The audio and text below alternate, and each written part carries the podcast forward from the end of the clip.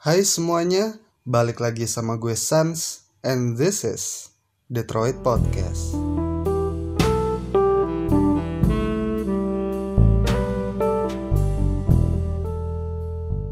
Halo, gimana kabarnya semuanya? Genki desu ka? Oh, asik. Bahasa Jepang gak tuh? Ha? Entah kenapa salah satu negeri impian gue untuk gue datangin tuh Jepang cuy.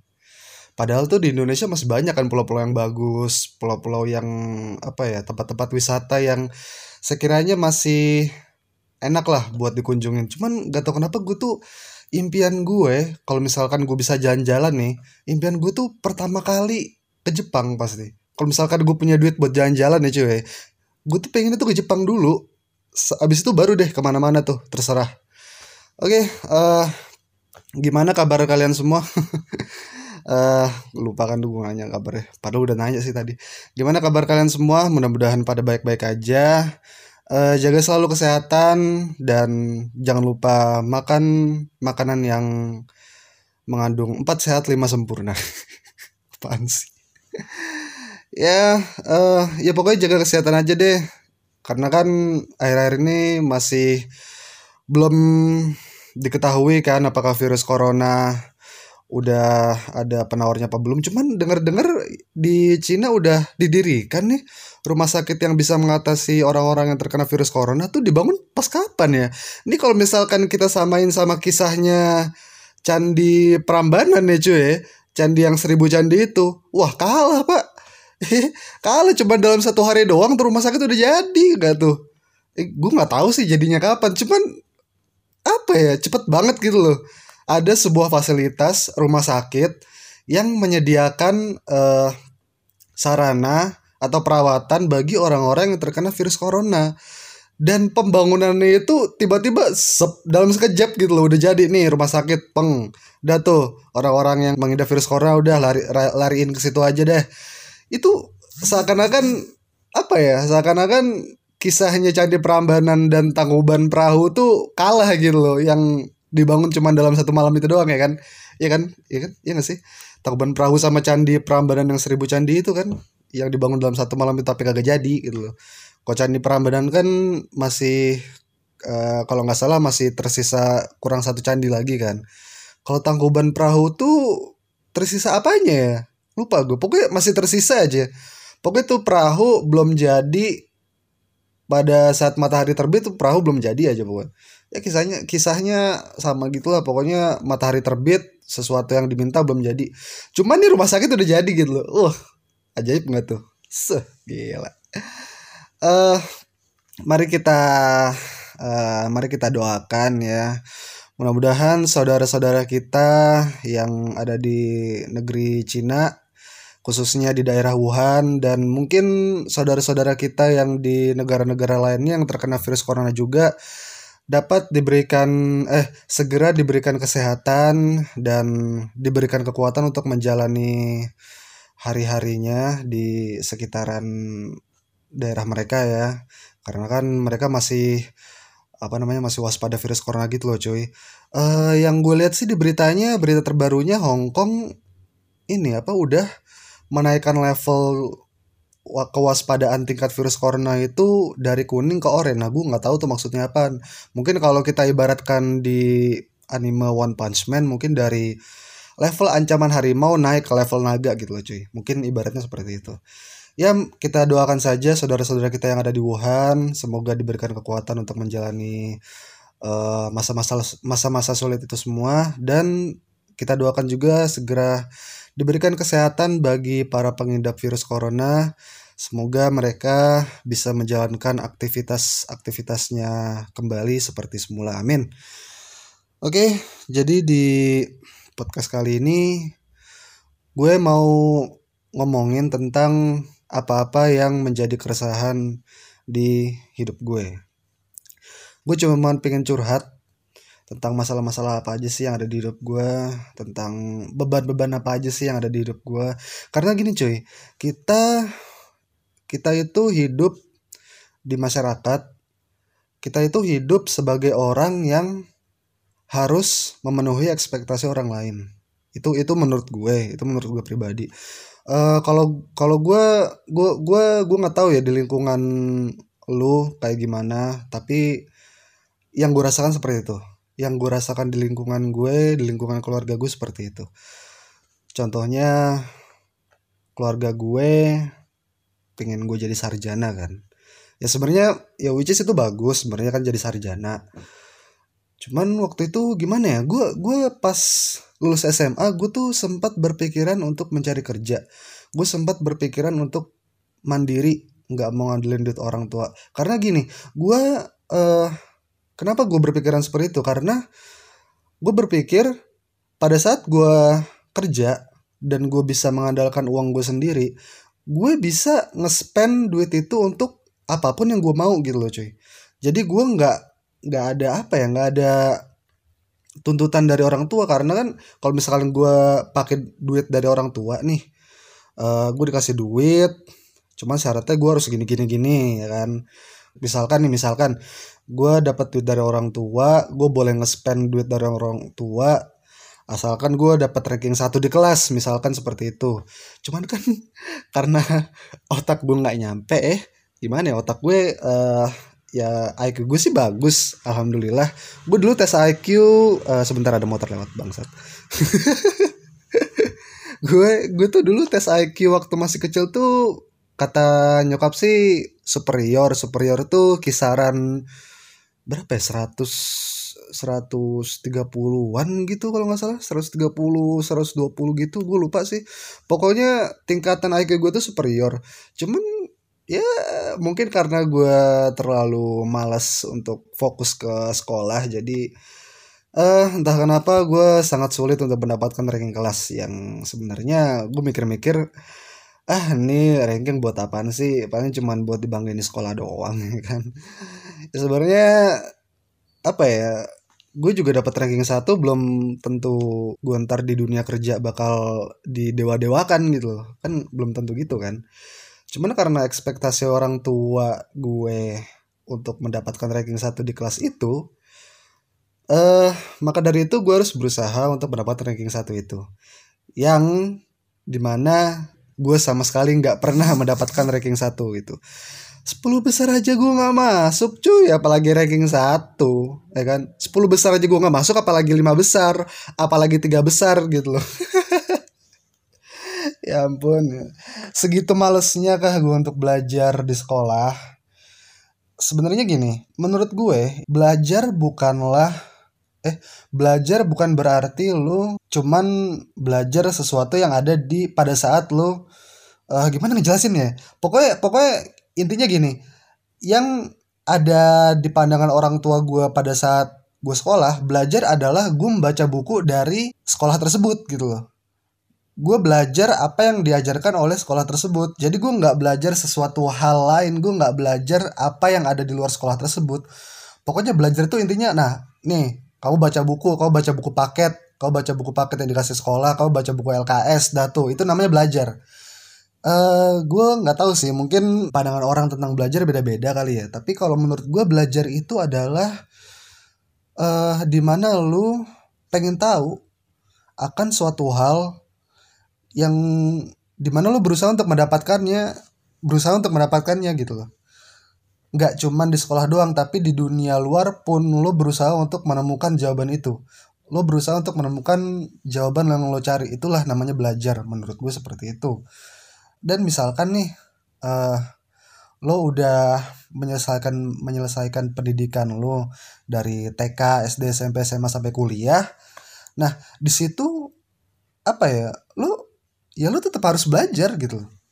Even di dunia kerja pun lo kan tetap harus belajar jadi belajar itu bukan cuma sebatas baca buku doang, bukan sebatas baca buku paket dan ngerjain soal-soal doang, bukan sebatas uh, untuk mempersiapkan diri lu dalam menghadapi UTS, UAS atau ujian nasional. Belajar itu belajar itu lebih dari itu gitu loh cuy. Oke, balik ke pembahasan ya. Uh, gue mau bahas apa tadi lupa kan. Oh ya.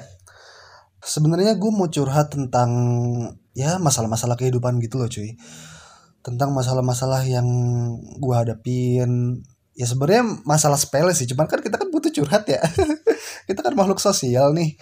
Ya kita juga butuh cerita. Kita juga butuh cerita ke orang lain cuman sekarang gue posisinya nggak punya bukan nggak punya. Saat ini saat ini lagi males buat cerita ke orang-orang lain dan gue putuskan untuk cerita di podcast aja. Jadi seperti yang gue bilang tadi kita itu hidup di kehidup eh kita itu hidup di lingkungan di mana kita harus bisa memenuhi ekspektasi orang lain. Uh, Sebenarnya nggak salah, cuman yang salah itu adalah jika lu menomor dua kan diri lu, gitu loh. Maksud gue adalah sebenarnya bagus-bagus aja sih lo memprioritaskan ekspektasi. Misalkan lo memprioritaskan ekspektasi orang tua karena karena orang tua udah ngebesarin lo udah ngerawat lo jadi ya ya gimana caranya lo membalas kebaikan orang tua lo ya dengan me, me, merealisasikan apa yang diekspektasikan orang tua lo terhadap lo cuman kalau misalkan lo terlalu berfokus pada ekspektasi orang tua lo dan lo melupakan diri lo sendiri dan lo melupakan siapa sih sebenarnya lo itu itu sebenarnya nggak salah nggak benar. Gimana ya? Uh, kurang tepat lah kurang tepat. Jadi nggak salah salah nggak benar juga nggak gitu. Kurang tepat. Dalam hidup kita juga harus mementingkan diri kita sendiri. Tapi jangan terlalu mementingkan diri sendiri juga itu namanya egois cuy. Gue adalah tipe orang yang gue butuh me time lebih banyak daripada orang daripada orang lain. Ya sebut saja gue introvert lah. Sebut saja gue introvert karena gue lebih suka di dalam ruangan daripada gue keluar ruangan.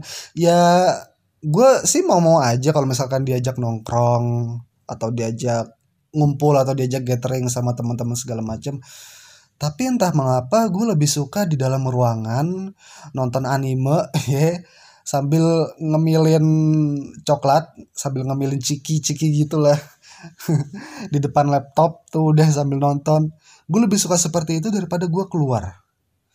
Oleh sebab itu gue kadang-kadang kalau misalkan ditanyain sama teman gue misal misalkan teman gue nanya nih woi san lu lagi di mana? Lagi di kos enggak atau lagi di kontrakan enggak kalau misalkan gue lagi mood kalau misalkan gue lagi pengen ada temennya kalau misalkan gue lagi apa ya ya lagi pengen ngobrol-ngobrol aja sama temen gue pasti bakal jawab gue pasti bakal jawab chattingan itu. Tapi kalau misalkan gue lagi butuh me time gue pasti akan ya udah gue cuekin. Gue gue gue nggak akan bilang sorry bro. Gue lagi nggak mau ditemenin sorry atau misalkan sorry bro pintu gue lagi tutup dulu. Gue nggak akan bilang gitu gue pasti bakal cuekin gue pasti bakal cuekin chat-chatan itu. Jadi mohon maaf nih mohon maaf nih teman-teman gue nih ya. Mohon maaf kalau misalkan chat-chatan lo gue cuekin soalnya gue lagi butuh me time pak ya. Sorry ya sorry sorry banget sorry banget. Jadi jadi ya kayak gitu gue tipikal orang yang seperti itu. Kalau misalkan gue lagi nggak mau diganggu ya ya udah. Gue gue nggak bakal mempedulikan hal-hal lain gue nggak bakal mempedulikan chattingan orang gue nggak ba gue nggak bakal pedulikan uh, ajakan orang yang ngajak gue nongkrong ya ya some kind of that. Gue gue adalah orang. Ini apa sih? Gue lagi rekaman. Bentar lah apa ah ntar deh. Nih ntar. Gue mau jeda dulu nih. Nih banyak pesan-pesan masuk. Nih sorry sorry nih kalau misalkan handphone gue ada geter-geternya. Oh dasar Dah, oke okay, cuy. Mohon maaf ya. Tadi ini ini mungkin videonya bakal gue edit kecil-kecilan ya. Bakal gue edit sedikit-sedikit. Ya, gimana ya? Tiap kali gue ngomong banyak pesan-pesan masuk geter gitu. Handphone gue jadi geter gitu. Uh, geter. Vibration. Vibrator. Wih, siapa tuh? Siapa tuh? Enggak, handphone kan bisa geter ya kan kan handphone kan punya vibrator juga. Kalau nggak punya vibrator mana mungkin handphone bisa getar ya kan ah pikiran lo kotor nih. Pikiran lo kotor nih. Wah harus dibersihin nih. Gawat. Apaan sih? Oke balik lagi ke per balik lagi ke permasalahan di mana gue mau curhat tentang ah beban-beban hidup. Gue sempet beli buku nih cuy ceritanya gue kan ke Gramedia gitu kan ya sosokan gitu padahal padahal gue mah anak warnet tapi sosokan ke Gramedia cari-cari buku gitu ada uh, pas gue di Gramedia ada suatu buku yang menarik perhatian gue Us, gila menarik perhatian gak tuh? Ada suatu buku yang menarik perhatian gue yang di mana, wah gue pengen banget deh beli buku, gue penasaran isinya kan. Akhirnya gue beli nih buku. Dan uh, buku ini merupakan eh bu, bukan buku ini sih. Ada salah satu apa namanya? Ada salah satu subbab di buku ini yang menginspirasi gue untuk membuat topik podcast di episode kali ini. Uh, jadi kalimatnya seperti ini. Subbabnya itu adalah memaknai syukur. Ini gue bacain ya. Ini gue kebetulan lagi pegang bukunya juga nih cuy. Ini gue bacain. Kebanyakan orang pernah kehilangan karena lupa untuk bersyukur. Kebanyakan orang pernah kesulitan karena jarang menikmati kemudahan yang telah didapat. Mungkin kita juga melakukan hal yang sama dan termasuk di antara kebanyakan orang itu. Di saat kita merasa hidup ini tidak adil dan tak perlu ada yang disyukuri, cobalah lihat di sekeliling kita, ada banyak orang yang tidak seberuntung kita. Di saat kita bisa makan dengan cukup dalam satu hari, maka coba lihat ke sekitar, ada banyak orang yang tidak bisa merasakan nikmatnya makan hari ini. Wah, itu seketika gue langsung berpikir untuk membuat podcast tuh tentang beban hidup. Wah, gila. Ya sih sebenarnya gue merasakan di mana gue ada di posisi gue kehilangan pijakan gue gue kehilangan uh, gue seolah-olah ya intinya gue seolah-olah kehilangan rasa syukur gitu loh gue seakan-akan gue tidak mensyukuri apa yang gue dapat gitu loh uh, gue tiap kali masuk kelas masuk tiap kali gue ada jadwal kuliah rata-rata dosen yang mengajar di kelas gue itu menceritakan suatu cerita yang apa ya yang sama menceritakan suatu kisah yang sama di kehidupan perkuliahan. Jadi ceritanya ada seorang mahasiswa yang mahasiswa ini uh, apa namanya lupa atau mungkin terlambat mengerjakan tugas atau semacam makalah atau gue nggak tahu tugas akhir apa gue lupa pokoknya semacam tugas gitulah. Mungkin tugas untuk penambahan nilai ya gue nggak tahu. Nah karena dia telat dia uh, berinis sebenarnya bukan inisiatif sih ini sebenarnya mau dibilang inisiatif juga ini sebenarnya hal yang tidak patut untuk dilakukan gitu. Dia memalsukan tanda tangan dosen cuy. Dia memalsukan tanda tangan dosen. Gue nggak tahu itu mirip apa enggak gue nggak tahu. Pokoknya dia memalsukan tanda tangan dosen dan dosennya tahu sehingga mahasiswa ini di skors selama satu semester. Seketika juga gue mikir betapa beruntungnya diri gue yang masih diberikan kesempatan untuk kuliah, yang diberikan kesempatan untuk mencoba merealisasikan ekspektasi orang tua gue untuk menjadi sarjana.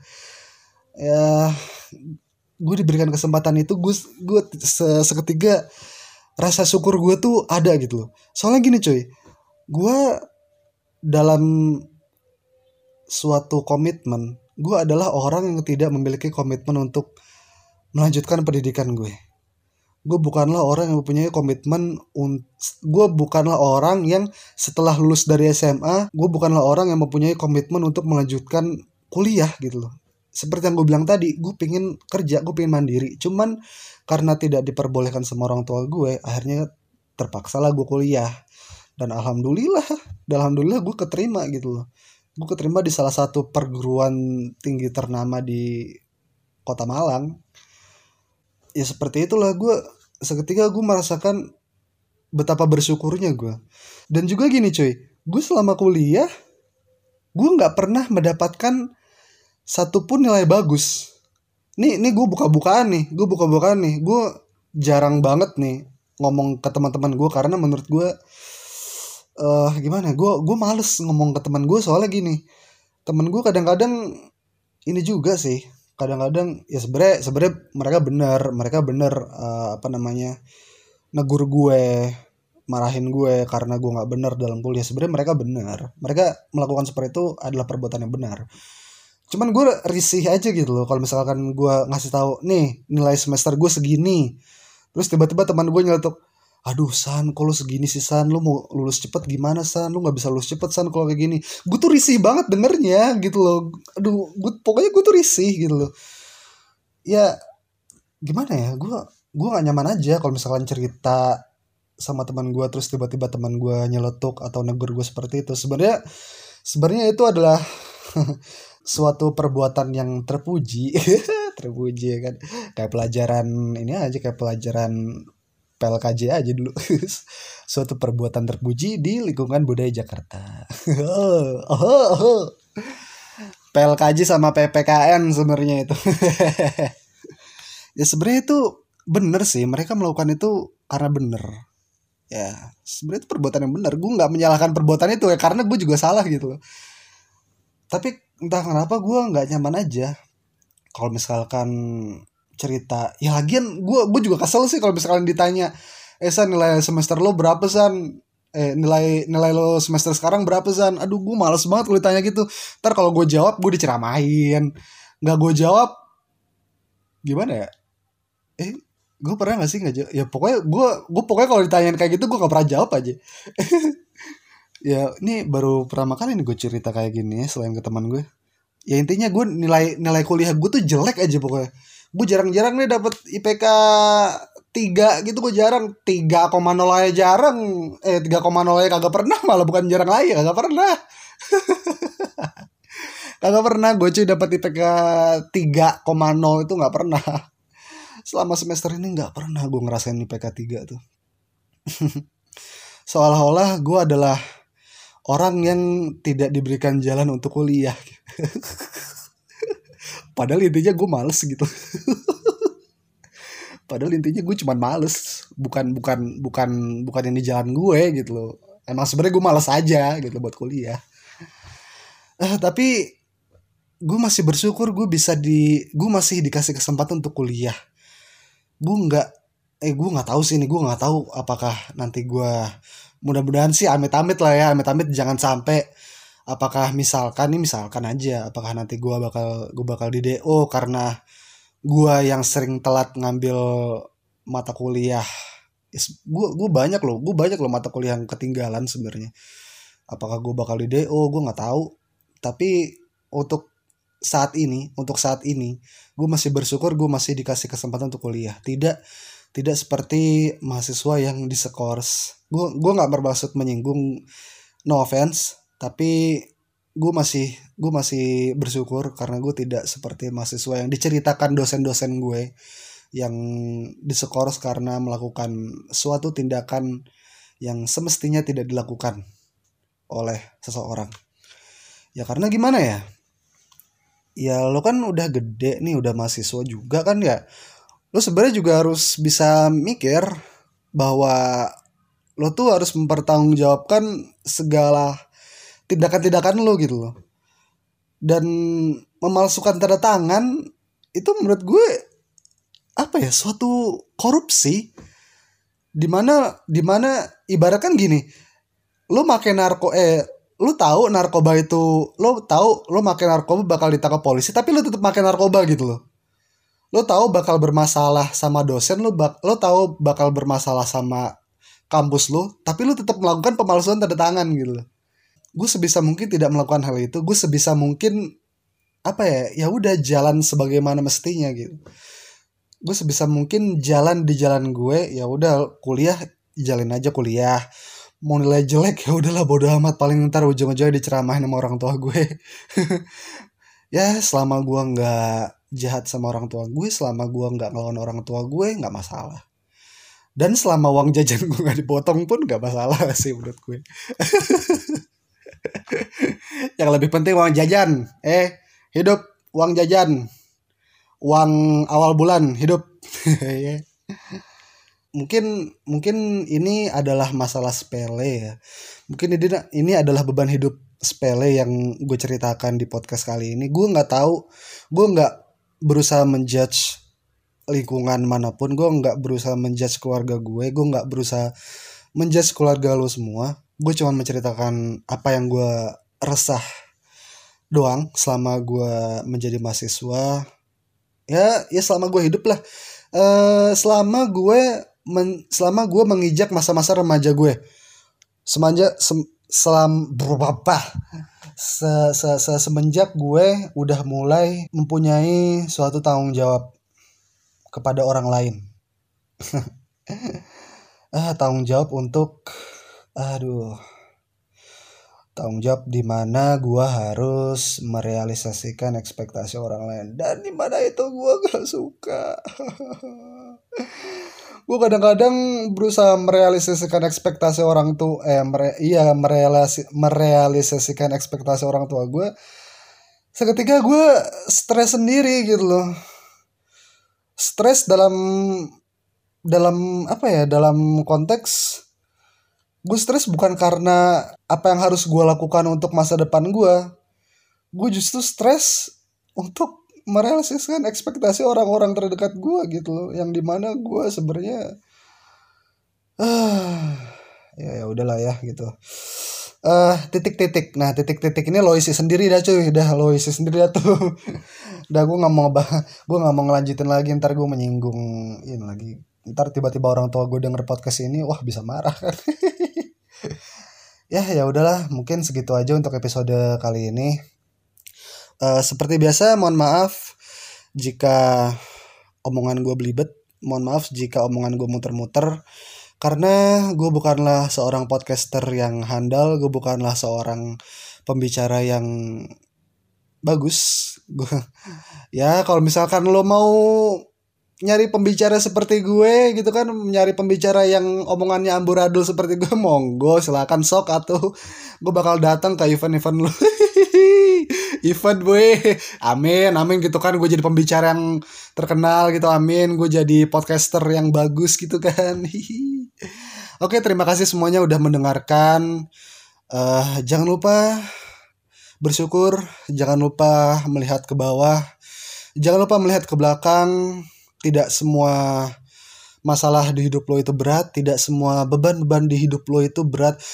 Uh, oh iya ya uh, jangan sampai karena masalah kecil lo berusaha untuk mohon maaf ya lo berusaha amit-amit. Lo berusaha untuk mengakhiri hidup lo. Jangan sampai seperti itu.